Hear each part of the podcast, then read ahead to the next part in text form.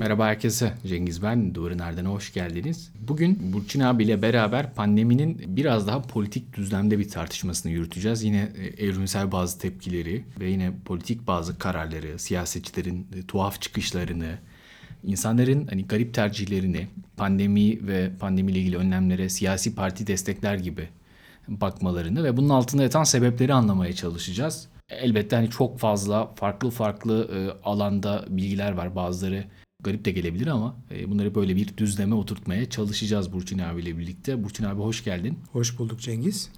Nasıl başlarsın abi? Yani hani diğer podcastlerden de düşünürsek hatırlıyorsundur. Davranışsal immünite demiştik. Yani bir çeşit davranışlarımızla bağışıklık sağlamak. Mikrobik etkenden, bize zarar verecek etkenden. Burada tabii önemli bir me- mesele de nedir? Politika. Yani makro düzeydeki e, sosyal davranışlarımızın belirlenmesi. Evrimsel psikoloji prensipleri açısından özellikle pandemide ya da diğer mikrobik etkenlerden bizi koruyan noktalardan biri nedir? E, yabancı korkusu. E, doğada sonuçta evrimleşilen çevrede ne vardır? Bizler küçük akraba popülasyonları şeklinde yaşayan küçük gruplarız ve öteki, uzaktaki, diğeri bizim için hmm, zararlı, yabancı, tehlikeli, nasıl söyleyeyim cüzzamlı. Yani sen bunu deyince aklıma şey geliyor. Ee, mesela yurt dışından gelen adamlar karantinaya alınıyor.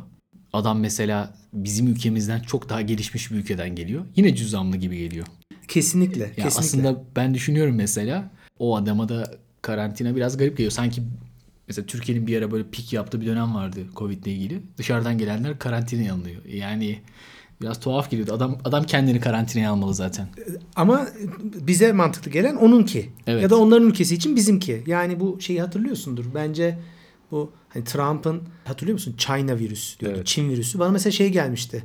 Hani çok böyle dünyada da bir sürü tepkiye sebep oldu. Yani Çinlilerden çıkan bir virüs. Yani Çin kaynaklı dünyaya yayılan bir virüs demek yerine Çinliler suçluymuş gibi. Ya Çinlilerde sorun varmış gibi bir hava yaratıyor. Politik manada çok dahice bir teknik aslında. Kendi iç e, hani oy çevresine, kendi grubuna yönelik gayet hani o kohezyonu, iç Tabii. ilişkiyi Dışarıda arttıran bir düşman yaratmak Kesinlikle. grubu kendi adına korumak ve adına. ama ilginç olan ne var? Çin'de de o bana çok paradoksal gelmişti. Problemin kaynağı yabancılar görülüyormuş. Yani Hmm. aslında virüs Çin kaynaklı Çin'den çıkıyor ama orada da yine e, sanki virüsün kaynağı, virüsün sebebi dışarıdan geliyor. Ya da bizlerde hani bu vardır ya komple teorilerinde. İşte işte yine Rockefeller demiştik. İşte yabancıların, yabancı dış güçlerin oyunu. İşte onların dünyanın nüfusunu kontrol etme amaçlı gibi fikirleri vardı. Yani burada yabancı korkusu, yabancı fobisi önemli bir şey ve hani daha önceki podcastlerimizde de söylemiştik ya Cengiz. Aslında pandemide asıl mesele içeriden geliyor. Yani bizler kendi akrabamız, kendi grubumuzla bir arada kaldığımız için daha çok bulaş yaşıyoruz. Yani pandeminin problemi bu zaten. Ama bir şekilde bizim biyolojimiz, psikolojimiz bu yönde şekillendiği için biz kendi akrabamızdan, kendi insanımızdan rahatsız olmak yerine yabancıdan rahatsız oluyoruz gibi söyleyebiliriz. Yani bu da nedir aslında? Ee, bir çeşit e, hani muhafazakarlık. Muhafaza nedir? Kendi grubunu, kendi tutumunu, kendi fikrini yani tutma, muhafaza etme eğilimi ve gösterilmiş ki çalışmalarda muhafazakarlık, muhafazakar davranış pandemi önlemlerini de önemsememeyle ilişkili. Çünkü bütün bu konsepti düşünürsen sen bir şekilde muhafazakar olduğun için kendi grubunu önemsiyorsun. E tabii ki maske önlemleri de senin için değersizleşiyor. İzolasyon önlemleri de değersizleşiyor. Ya da diğer komple teorilerine daha fazla yatkınlık gösterme gibi durumlar olabiliyor. Yani e, önemli bir mesele ki mesela Yani kendi Amer- grubun değerli geliyor sana. Onlardan bir şey olmaz diyorsun. gibi düşünüyorsun. Aynen böyle ya da mesela Amerika'da özellikle yapılan çalışmalar var. İşte liberal ve muhafazakarlara bakıyorlar tabii. Hani orada klasik iki parti ve karşılıklı tutumlar bakılıyor ya mesela şöyle diyor e, o çalışmalarda. Özellikle kişiler enfeksiyon riski altındayken yani işte çeşitli e, deneysel desenler yapıyorlar mesela. Kişiyi enfeksiyona daha fazla yakalanma riski altında bıraktığın zaman bu kişiler daha fazla etnosentrik davranışlar gösteriyor. İlginç bir şekilde sen kendi akrabanı, kendi grubunu tutma eğiliminde oluyorsun. Muhafazakarlaşıyorlar. Aynen öyle. Yani bu aynı zamanda bu tip e, riskli durumlarda pandemi de bunlardan biri. Belki dünyadaki bütün durumu düşünebilirsin Cengiz. Yani muhafazakarlaşıyorsun sen. Ekolojik bir belirsizlik olduğu zaman, bir risk olduğu zaman muhafazakarlaşıyorsun. Bu ama e, sadece virüs için değil hemen hemen ya ekolojik belirsizlikten bahsedin. her zaman daha böyle e, otoriter rejimler, daha muhafazakar rejimler hep belirsizlik dönemlerinde yükseliyor. ortaya çıkıyor. Yani Hitler'in mesela Almanya'da yükselmesini hep örnek verirler ya. Kaotik bir dönem. e, Daha net söylemleri olan bir lider. Belki o belirsizliği ortadan kaldıracağına inanılan bir insan. Tabii. O yüzden de muhafazakarlaşma eğilimi artıyor. Pandemi ama bu de- demek ki yine bir psikolojik mesele. İmmünite, davranışsal bir immünite ifadesi gibi. Ya da mesela ne olabilir? İğrenme duygusu özellikle yine bu hani deneylerle gösterilmiş. Yani etnosentrik davranışlar artıyor. Artı kendi grubundaki üyeleri daha olumlu algılama eğiliminde bulunuyorsun. Yani aslında yine pandemide bizim istemediğimiz bir tepki bu. Yani istiyoruz ki biz bilimsel olarak kendi üyelerini kötü algıla. Enfekte algıla, mikrobik algıla algılayamıyorsun. Yani bir şekilde çünkü o evrimleşilen çevreyi düşünelim. İşte milyonlarca yıl öncesini düşünelim. Her zaman için kendi grubunu bir arada tuttuğun zaman sen adaptif davranış göstermiş olduğun için şimdi bu çuvallamış oluyor. işe yaramıyor. Ya da ne diyebiliriz? Çalışmalar gene göstermiş ki hani klasik olarak tabii bunun farklı sebepleri olabilir. Enfeksiyon hastalıklarının yüksek olduğu ülkelerde dindarlık oranları da yüksek. Yani aslında muhafazakarlık oranları yüksek. Tabii ki burada o hani fakirlik, sosyal meseleler noktasının hani hakkını vererek düşünmek lazım. Yani muhafazakarlık enfeksiyonun olduğu ülkelerde daha yüksek. Yani bir çeşit o tutma, grup eğilimi vesaire. Ama ilginç değil midir? Mesela böyle muhafazakarlar da özellikle hani bu e, pandemik e, enfeksiyonlardan ziyade bu özellikle cinsel yola bulaşan enfeksiyonlar için hep daha seküler yaşamı suçlu tutarlar. Onların e, bir şekilde buna sebep olduğunu, işte multipartnerlerin sebep olduğunu ileri sürerler. Yani o nasıl bir tezat? Hani muhafazakarların olduğu yerlerde enfeksiyonun daha fazla olması. O herhalde bulaşın başka türlü yani cinsel yolla değil de belki oral solunum yoluyla oluşmasıyla ilgili bir şey herhalde. Muhtemelen o bir patern, davranış paterni. Yani dediğin gibi çok ilginç. Grubu korumak, grubun homojenitesini korumak adına muhtemelen şey geliştiriyor. Olayı grubun stabilitesini yani sabitliğini bozacak davranışları ki bunlardan biri de belki de seçki yani cinsel ilişkilerdeki o belki hani seçkisizlik ya da kuralın dışına çıkmak olabilir. Buna yönelik bir tepki olarak yorumluyor. Olabilir. Bunların hepsi de muhtemelen zaten Cengiz grup içindeki kohezyonu arttırıyor. Yani evet bundan dolayı olabilir. İşte cinsel ilişkilerden dolayı böyle bir risk var. Ondan sonra ya da başka bir şey de bunu koyabilirsin. O zaman ben öyle davranmayayım. Grup içi ilişkimi koruyayım gibi. Cinsel ilişki demişken abi hani e, o cinsel ilişkilerde farklılaşma da oluyor kadınlarda, erkeklerde. Hani onu da nasıl bir zemine oturtabiliriz? Bu pandemi döneminde yine böyle belir- ekolojik belirsizlik dönemlerinde neler oluyor? Yani bu da aslında güzel ve e, önemli bir konu. Hani normalde şey vardır evrimsel psikolojide. Trade-off'lar. Yani yaşam döngüleri ve yaşam döngüsü sırasında bir şey için bir şeyi feda etmek ya da bir şeye rağmen bir şey yapmak, bir şeye uğruna başka bir şeyden e, feragat etmek gibi düşünebilirsiniz. Nedir mesela? E, normalde biz insanlar nasıl canlılarız? E, az üreyen ama yavrusuna çok yatırım yapan canlılarız değil mi? Başka canlılar öyle değil. E, hani evrimsel bağlamda bu pandemide ne gösterilmiş? Hani cinsel davranışların yansımalarında bir farklılaşma gösterilmiş özellikle. Ne olmuş? Bir belirsizlik var. Belirsizlik durumunda hayatta kalma ihtimalim azalıyor. Ölebilirim, yok olabilirim. O yüzden nedir? Çoğalayım ve hayatta kalayım. Buna bağlı olarak da ne olduğu söyleniyor. Tabii ki çelişkili yayınlar var ama işte mesela kadınlar için cinsel ilişki sıklığının arttığı gösterilmiş. Tabii ki alternatif durumlar da olabilir muhtemelen ama onu da farklı türlü açıklayabilirsin tabii. Ya da işte e, cinsel isteğin arttığı ama mesela kurulan cinsel ilişkiden alınan tatminin azaldığı gösterilmiş. Ya da işte başka bir çalışmada ne gösterilmiş? Mesela tabii ki sosyal medya, internet çağında yaşıyoruz. İşte cinsel içerikli materyale ulaşım ya da mastürbasyon sıklığının artması. Bunun tabii nedir evrimsel psikolojideki karşılığı? Hem bir grup içi sosyalleşmeyi arttırma hem de üreme başarısını, üremeyi arttırma. Çünkü bir belirsizlik var. Mastürbasyon ama arttırır mı yani üreme? Şöyle doğada mastürbasyonun karşılığı bir e, hani şey değil o. Sende bir rahatlama yaratıyor. Senin psikolojin bir üreme davranışıyla ilişkilendiriyor bunu. Yani şey gibi düşünmemek lazım Cengiz. Hani hmm, nasıl söyleyeyim? Aynı o aşı örneğini vermiştik önceki podcast'te. İyi de aşı inaktive virüs aşısı dedik ya. Bu da aynı şekilde tamam. Virüs inaktive virüs aşısı ya da mastürbasyon sonuçta üreme başarısını düşürür gibi duruyor ama senin evrimleştiğin çevredeki biyoloji çünkü mastürbasyon yapıyorsun. Belki de işte orada başka bir grup üyesi seni görüyor ve cinsel ilişki miktarını artıyor. Çünkü bir sosyalleşme de aynı zamanda. Yani mastürbasyon davranışını doğrudan cinselliği azaltan bir davranış gibi görmemek gerekiyor muhtemelen. Çünkü bir şekilde o davranışın adaptif bir değer olabilir. Bir de tat, tatmin azalıyor dedin. Onunla da aklıma şey geldi. Hani Koray abi bize böyle onu çok sorar. İşte cinsellik niçin yapılır? Ne işe yarar gibi. Hani onu da böyle biraz sinir etmek için söylediğimiz cevap üremek olur. O da sadece üremek için mi diye şey yapar ve hani bir sürü şey açılır işte ilişki kurmak için, temas etmek için, sosyalleşmek için, e, kişinin kendini tatmin etmesi için hani bir, bir, bir sürü amacı var cinselliğin. Ama bu ekolojik belirsizlikte tatmin azaldığını söyledin. Belki de üreme kısmına dair yatırım arttı. Yani hani cinsellik biraz daha ekolojik belirsizlik dönemlerinde üremeye eş tutulan bir şeye dönüşüyor olabilir. E tabi. Ki çalışmalarda şunu göstermiş. E, tabii literatür çok geniş Cengiz ama mesela bazı ülkelerde özellikle yine bu muhafazakarlığın yüksek olduğu ülkelerde çocuk sayısı artıyor şu anda. Çünkü bir şekilde kapalı ortamdasın. Daha fazla cinsel ilişkiye giriyorsun. Korunma noktasında daha bilgisiz bir toplum ya da işte kültürel açıdan ön yargılar var.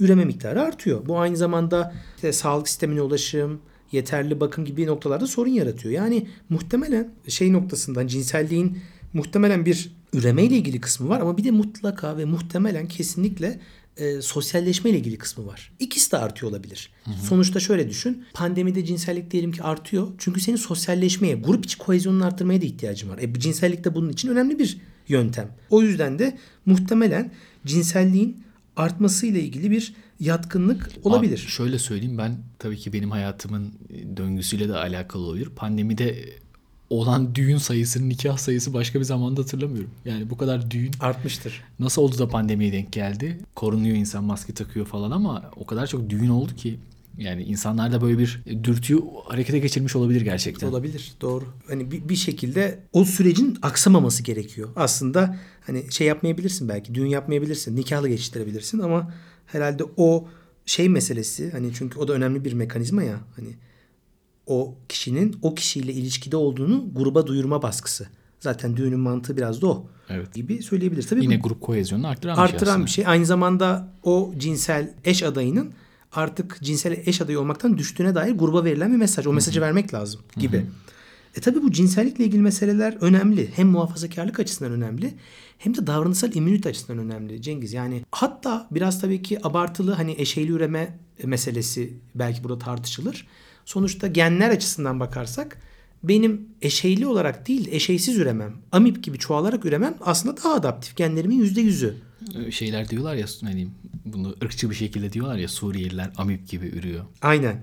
Yani benim üreme üreme noktasında eğer eşeyli değil eşeysiz üreseydim daha fazla genlerime aktarılacaktı. Deniyor ki evet güzel fakat bu sürdürülebilir değil.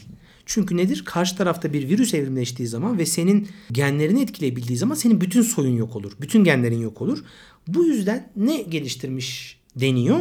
Savaşta daha adaptif olmak için genlerinin yarısını başkasından alıp bir koalisyon kurma adına bir kayıp ama en nihayetinde bir avantaj, bir kar sağlama noktasında yola girildiği söyleniyor.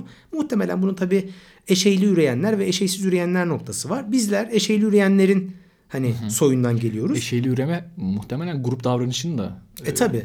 uyarıyor yani. E, zaten insanlar bu eşeğli üreme davranışının en komplike halini gösteren canlı türü. Hı hı. Hani bunu belki çok erken almak lazım. Yani daha bakteri düzeyinde eşeysiz üreme hattı bir yerde kırılıyor ve eşeğli üreme hattına giriyoruz biz. İşte burada deniyor ki eşeğli ürememiz yani bizim belki şu anda bu kadınlık erkeklik ya da diğer e, dual cinsiyet. E, hepsinin kökeni de diyor ki çok ilginç bir şey parazit enfeksiyon meseleleri yani bu savaş, davranışsal immünite e, noktasındaki çok kilit bir şey yaptığı söyleniyor. Yani aslında bu noktada da hani cinsellik pandemideki bu tepkilerle ya da işte enfeksiyon hastalığına verilen tepkilerle çok ilişkili olabilir deniyor ki hı hı. önemli bir hipotez var Cengiz. Hamilton-Zook hipotezi diye geçiyor yanlış e, bilmiyorsam. Parazit direnci çiftleşmede önemli bir mesele. Yani şunu diyor bir ya partnerin parazit direncine sahip olduğuna dair düşünceler. Evet kesinlikle. Yani ben bir eş seçeceğim. Bir çiftleşecek ve işte klasik işte genlerimi aktarma yolunu seçeceğim. Kimi seçmeliyim meselesi var. Burada şunu diyor.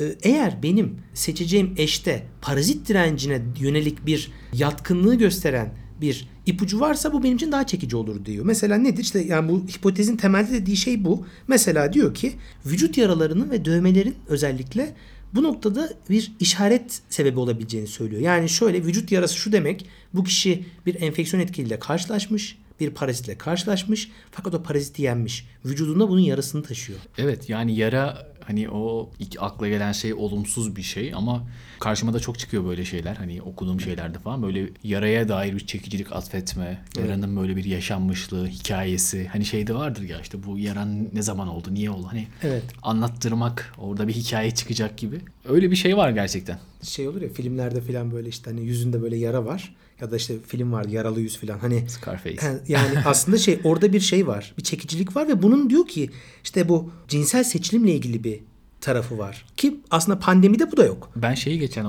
okudum. Hani bunun şey için söylemiyorum. ilgimi çekti. Bu Türkiye'nin ilk yüz nakli olan kişisi hastası. Ha. Mesela 10 sene önce olmuş falan. E, şimdi yüz nakli olmuş ama yüzün böyle yani şu çok sağlıklı gözükmüyor yine de. Ama belki eski yüzüne göre daha iyi. Çok daha iyi. Hani iyi de iş çıkarmış Özkan ekibi. Yine de insan tabii böyle içinden bir şey diyor. Yani içimizde bir taraf garip buluyor.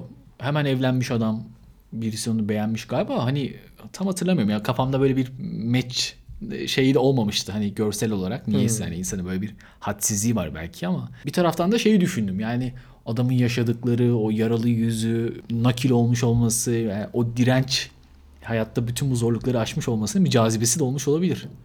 Bu hipotez en azından bunu söylüyor. Herhalde bir optimal. Yani mesela belki de uyduruyorum organ kaybı olsa, mesela uzuv kaybı olsa belki daha zor ama dediğin gibi yüzünde bir yara ya da işte ameliyat izi var ya da işte başka bir yaralanmadan iyileşme izi var.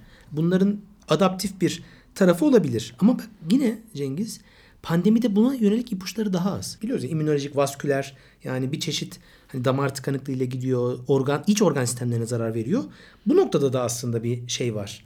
Hmm, nasıl söyleyeyim? E, bu ipucu, bu hipoteze yönelik ipucu daha az çalışıyor olabilir. Yani o cinsel seçilim noktasında ki yine pandemide biz neyi görüyoruz? Belki buradan devam edersek cinsel eşitsizliğe dair bazı sorunları biz görüyoruz. Neden? Çünkü pandemi öncesi dönemde iyi kötü bir ne var? İşte çocuk bakımı, ebeveynlerin arasındaki iş bölümünün nispeten tabii ki bu noktada belki e, hala uzağız ama bir iş paylaşımı noktasında çok ciddi bozulmalar oldu. Ne oldu mesela? Çalışmak zorunda olan insanlar var değil mi? Yani kadınların daha fazla işsiz kaldığını biliyoruz. Eve daha fazla kapandığını biliyoruz. Erkeklerin daha riskli olmasına rağmen çalışmak daha fazla zorunda kaldığını biliyoruz. İzolasyona uymadığını biliyoruz. Ee, yani bir çeşit kadın erkek eşitsizliğinde de artış oldu. Yani e, pandeminin de böyle bir negatif tarafıyla karşı karşıya kaldık. Bunun da muhtemelen belki yine muhafazakarlaşmaya bunlar hepsi birbirine çok bağlı.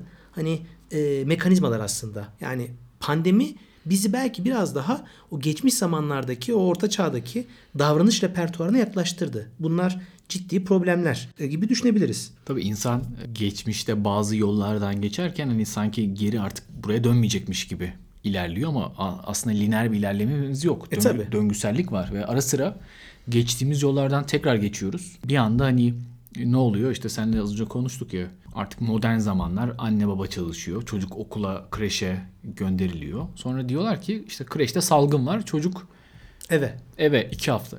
Bir anda herkesin dünyası sarsılıyor. Yani nasıl iki hafta ben işe gideceğim. Çocuğa kim bakacak? O hani evrimsel bazı şeyler, roller, çatışmalar ortaya çıkıyor tekrar. Ya modern zamanda çözdüğümüzü düşündüğümüz şeyler. Tabii. Hani şey de değil. Birkaç hafta olduğu için bulamıyoruz da çözüm. Yani bir yıl, iki yıl olsa bakıcı şey falan. Gerçekten büyük bir kaos yarattı. Bununla ilgili Cengiz şey denilebilir belki. Hani yine başka bir psikolojik mekanizma nedir bizim için? Hani evrimsel mekanizma. Ebeveynlik meseleleri, parenting yani. Pandemiyle birlikte tam senin verdiğin örnek noktasından devam edersek ebeveynlikle ilgili bir de problem yaşanıyor. Şöyle ilginç bir çalışma okudum. Pandeminin özellikle başında bu karantina, kapanma döneminde acil servise başvuru çocuklardaki kafa travmalarıyla acil servise başvuru oranları %1300 artmış. E, bu bana çok ilginç geldi. Şöyle yorumluyorlar. Ev içi kazalar artıyor tabii ki. Ama bunun tabii ki evrimsel psikolojide dekode edilmiş hali nedir? Çocuklara yönelik hani o istismar oranlarındaki artışla ilişkilendiriyorlar bunu. Neden? Çünkü ne vardır evrimsel psikolojide çok temel bir prensip? Ebeveyn çocuk çatışması teorisi vardır. Ne diyor bu prensip? Çocuk ebeveynden alacağı karı maksimize etmeye çalışır. Ebeveyn de bunu mümkün mertebe diğer çocuklar için, sonraki çocukları için ya da kendi kaynağını, kendi yetilerini korumak için minimize etmeye çalışır. Ne oluyor? Bir anda bu dengeler şaşıyor. Özellikle bu modern toplumlarda bir kavram var. Alloparenting diye. Aynı zamanda aslında belki klasik toplumlar. Yani nedir? Alloparenting yardımcılar aracılığıyla ebeveynlik yapma. Nedir klasik toplumlarda? Anneanne, babaanne, değil mi? Akraba, eş, dost. Modern toplumlarda ne? Okul, kreş ya da işte diğer sosyal etkinliklerdeki öğretmenler öyle düşünebiliriz belki. Pandemiyle birlikte bunlar direkt kapandı. Sen şimdi anneannene gidemiyorsun, babaannene gidemiyorsun mesela. Ya bulaştırırsam diye. Ya da okullar kapandı. Ne oluyor? Bir anda ebeveyn bir şekilde bir matematikle denkleme getirdiği yatırımı eskisi gibi, çağlar öncesindeki gibi hale gelmiş durumda yaşamak zorunda kalıyor. Bu da ne oluyor işte? Çeşitli sorunlar. Yani çok ilginç. Çocuklarla ev içine kapanmış olmanın getirdiği bir sürü sorun var ki okullarda da mesela şimdi öğretmenler falan da söylüyor. Yani pandemi döneminde eve kapanmış çocuklardaki davranım problemleri belki çocuk psikiyatristleri daha iyi biliyordur. Ben kendim ergenlerle çalışıyorum. O kişilerin davranış repertuarları çok değişiyor. Yani ebeveynlik becerilerindeki, ebeveynlik tutumlarındaki değişimlerin de getirdiği bir etki var. Bunun da aslında evrimsel karşılıkları var diye söyleyebiliriz. Yani bu noktada önemli gerçekten. Buraya kadar dinleyen herkese çok teşekkür ederim. Kendinize iyi bakın. Hoşçakalın.